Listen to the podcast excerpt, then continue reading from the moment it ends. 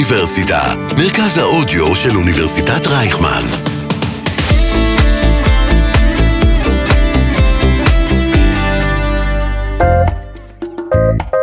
אקדמיקס, אקדמיה בגובה העיניים, עם קרן אסף.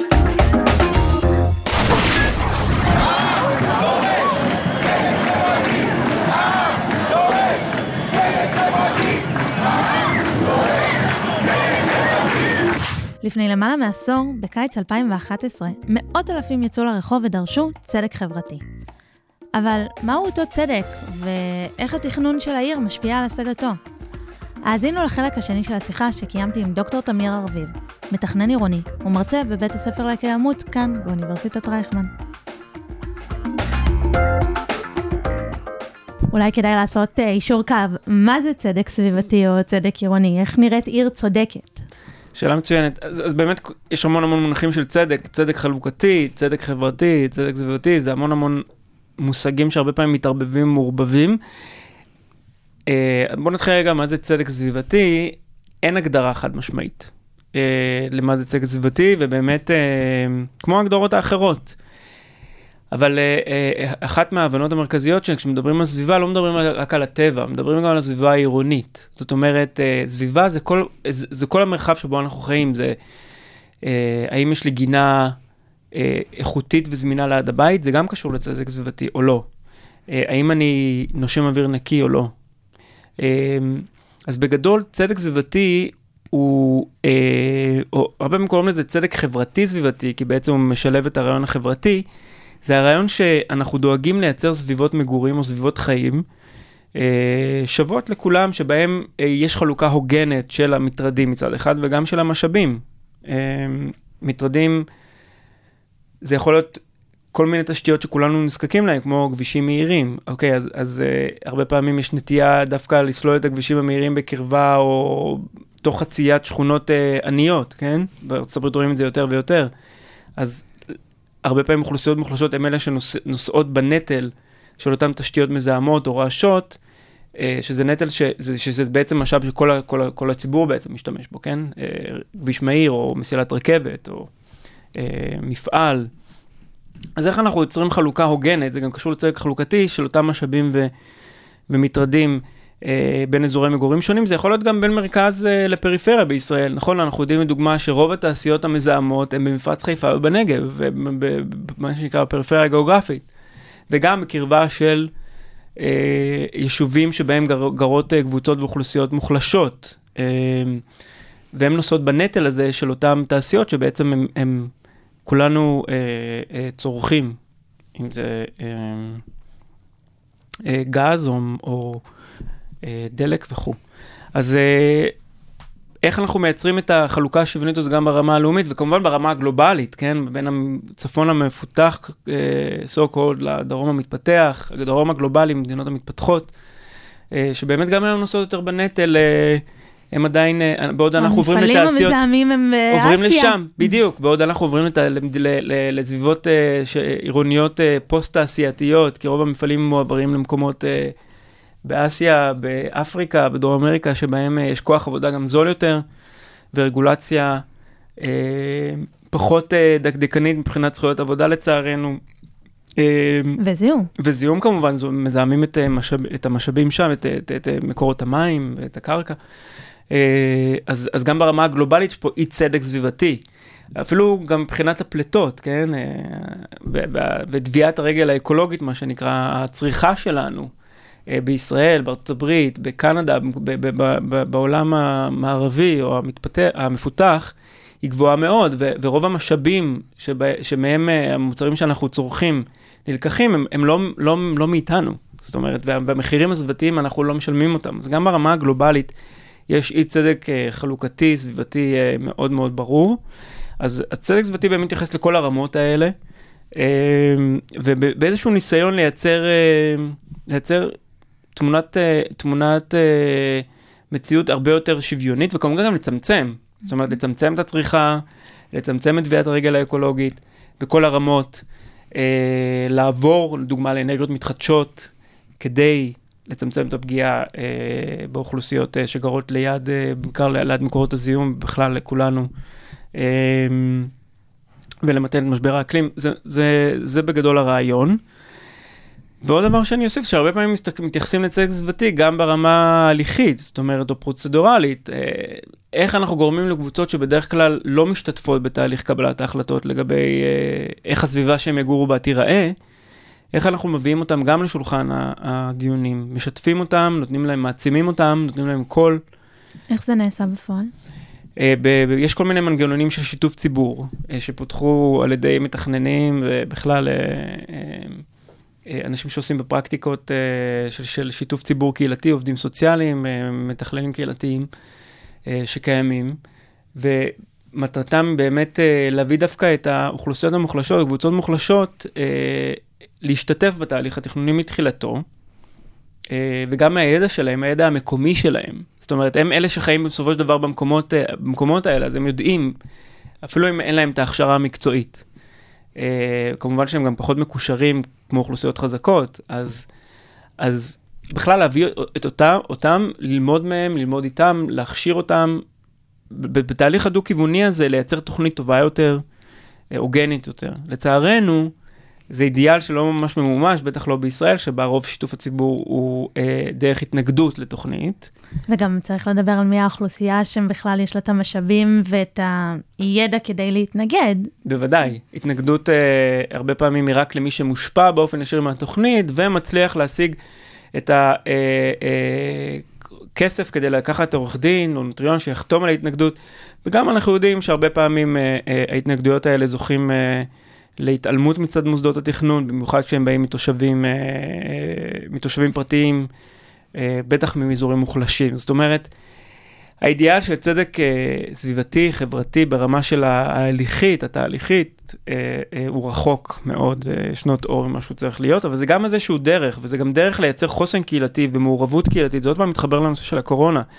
הרבה מחוסר האמון שראינו של קהילות מסוימות אה, לדרישות מלמעלה מהמדינה, נובעות גם הרבה משנים של הזנחה, התעלמות, חוסר שיתוף אה, אה, בתהליכים האלה של אותן קהילות. אז באמצעות אה, יצירת קשר כזה אה, שוטף, אה, ובאמת, אה, באמת לא כמס שפתיים, אה, לקחת את האינפוט של אותן קהילות אה, בכל מיני קבלת החלטות שמשפיעות על החיים שלהם, אפשר לייצר אותה רמת אמון שתאפשר גם בעיתות משבר שיבואו, לא רק קורונה, את אותו חוסן אה, שיאפשר לתגובה אה, יותר מהירה אה, וגם מוכנות של האוכלוסיות האלה אה, לשתף פעולה לטובת הכלל.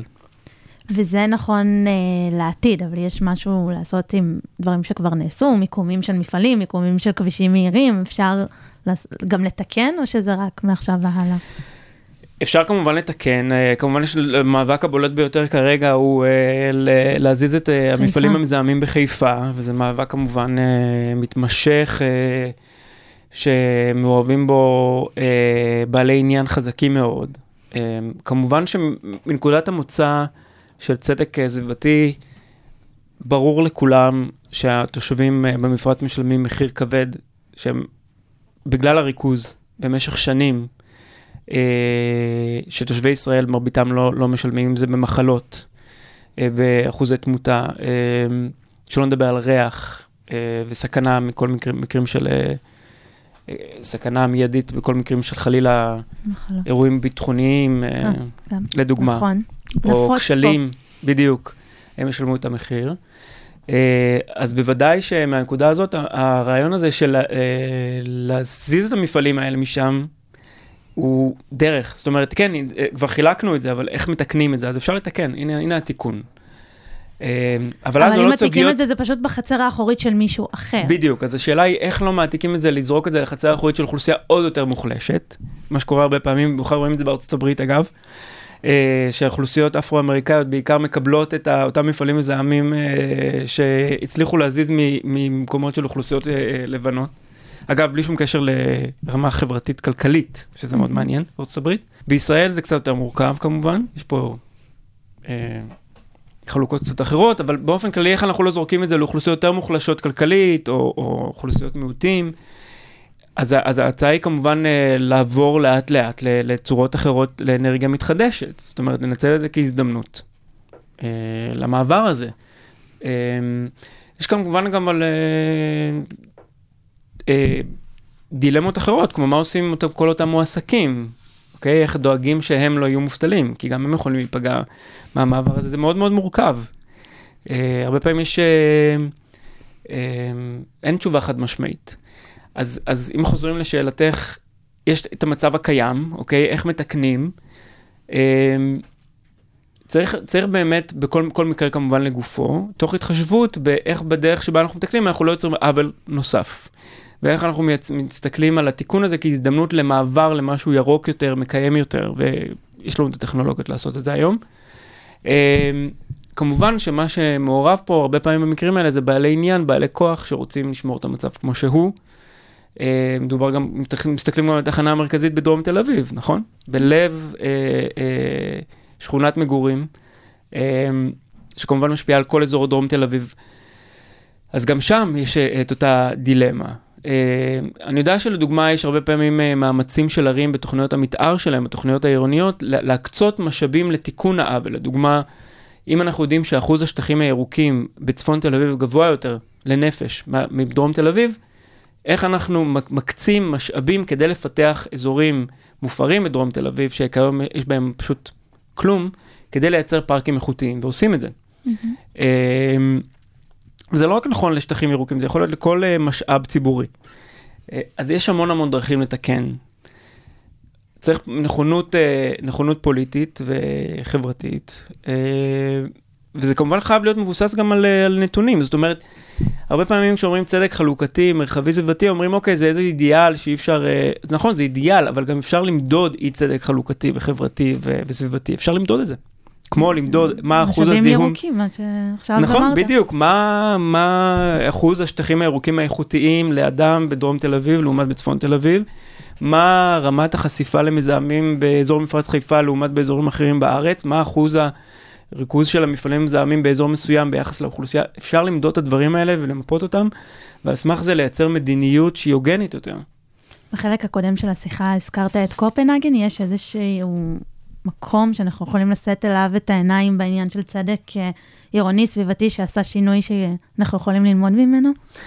אז זהו, אז הרבה פעמים אה, כשמסתכלים על המדינות הנורדיות, בטח אה, אה, שהן תמיד מובילות אה, כמעט בכל אינדקס, אז זה אומר השוואה היא לא הוגנת. הם, אה, מדובר באמת על, על חברות הרבה יותר הומוגניות, אה, שיש להן אתגרים ללא ספק, אבל האתגרים של מדינת ישראל הם, הם בואו נודה בזה, הם, הם מאוד, מיוח, מאוד ספציפיים לנו והם גם מאוד מורכבים. הזכרנו מלחמות כשיקול. האתגר הביטחוני, ואנחנו חברה גם עם, עם קבוצות אוכלוסייה מאוד מאוד הטרוגניות, uh, שונות תרבותית עמוקה בין קבוצות שונות, uh, מדינה גם יותר צעירה, קטנה, צפופה, שגדלה, זאת אומרת, שלא כמו רוב מדינות ה-OECD, המדינות המפותחות, אנחנו... עומדים, כמו שאמרתי, אחוז אה, אה, הצמיחה שלנו היא, הוא, הוא חסר תקדים, הוא דומה למדינות מתפתחות, אה, אפילו גם לא להם, אנחנו אה, באמת אה, אנומליה מהבחינה הזאת. אז, אז האתגרים שלנו הם עצומים, ולכן אה, ברמות האלה מאוד מאוד קשה להשוות ולהגיד בוא נלמד מקופנהגן, או בוא נלמד מקנדה, או בוא נלמד ממדינות, ואפשר ללמוד. אבל כמובן גם להתייחס ל... לצרכים ולמגבלות ולהזדמנויות ולימים שלנו יש פה בחלקת האלוהים הקטנה שלנו כאן. גם ניתן ללמוד מאיתנו אגב, זאת אומרת כשאני הייתי בקופנהגן אה, אה, ועסקנו לדוגמה בנושא של ניהול נגר עירוני, אותם מי גשמים שהרבה פעמים אה, נהפכים בעצם, מובילים להצפות, נכון? במרחבים עירוניים, בגלל שאין להם לאן, איפה לחלחל, כי הרבה מהמרחבים העירוניים הם פשוט אספלט ובטון. ואז באירועי גשם קיצוניים שילכו ויהפכו ליותר ויותר דחופים אגב, בגלל, אה, ואלימים יותר בגלל משבר האקלים, כל העולם חווה את זה, בטח בקופנהגן, שבהם חוו מש... שבר כזה, שבר ענן מאוד רציני. מה שהוביל אותם למדיניות עירונית שלקחה את אותם אזורים אטומים, והפכה אותם לאזורים מחלחלים. פשוט לקחת אותם רחובות ומדרכות אטומים ולהפוך אותם למחלחלים. כדי שאותם מי גשמים יגיעו לתת הקרקע, אוקיי? אז יש לנו הרבה מה ללמוד מה, מהתוכנית האסטרטגית שלהם, לא ברמת הטכנול... ברמה הטכנית של העניין, כי זה ברור לכולם, בישראל הידע נמצא, אלא אה, איך הם תקצבו את העניין, מי מימן את זה, מי אחראי על התחזוקה של הדבר הזה, גם ברמת, ברמת סדר העדיפויות. אז יש לנו הרבה מה ללמוד מהם, מהבחינה הזאת. אה, ניתוחים שהם עשו מבחינת הערך הכלכלי של המעבר הזה, אה, ממחירי הנדל"ן באותן שכונות שהפכו ירוקות יותר, ועד לחיסכון אה, ב, אה, אה, ב, ב, באותם אה, תשלומים לנזקים שקורים בעקבות הצפות. אנחנו יכולים ללמוד מהדברים האלה וליישם מדיניות. אז שם באמת אפשר לקחת המון דברים, והם כמובן גם לומדים מאיתנו, אנחנו אלופים במחזור מים, בהתפלה. אה, אז, אז גם הם באים ורוצים לדעת אה, איך ישראל עושה את זה, כן? אה, כשמשאב המים אצלנו הוא תמיד היה מוגבל. אז יש פה הרבה, למד... הרבה עניין של למידה הדדית, אה, וכמובן, כל דבר שלוקחים צריך לתרגם אותו למציאות הפוליטית, החברתית, הכלכלית, ובוודאי גם המציאות הרגולטיבית שקיימת כאן, גם אפילו למבנה השלטוני, אה, לרשויות שקיימות, אה, שאחראיות, איך... היום מדברים הרבה, לדוגמה בישראל, על איך באמת לייעל את כל הנושא, דיברנו על ניהול נגר, איך לייעל את הנושא הזה באמצעות שיתופי פעולה בין רשויות שונות, שהרבה פעמים לא מדברים אחת עם השנייה. אז, אז הדרך עוד ארוכה, אבל, אה, אבל אה, אפשר לקחת וללמוד, אפשר גם ללמד, אה, ולהשיג סוג של מציאות שבה התכנון הוא הרבה יותר מתכלל. זאת אומרת, שכבר בונים שכונה חדשה, כבר מראש מסתכלים לדוגמה על איך הנגר, איך השכונה עצמה תקלוט את הנגר במקרה של אירועי גשם קיצוניים באמצעות התכנון של שטחים מחלחלים, או איך לייצר תשתית של עצים לדוגמה, כדי שיהיה לנו יותר צל, שגם יוריד את הטמפרטורות, גם יעודד אנשים ללכת, איך, אה, איך לייצר רחובות שהם יותר הליכתיים מבחינת המבנה שלהם, אה, שבילי אופניים. יש המון המון לשפר אה, באמצעות תכנון מראש וחיבור אה, בין, בין גורמים שונים. דוקטור תמיר ארביב, תודה רבה לך. תודה לך.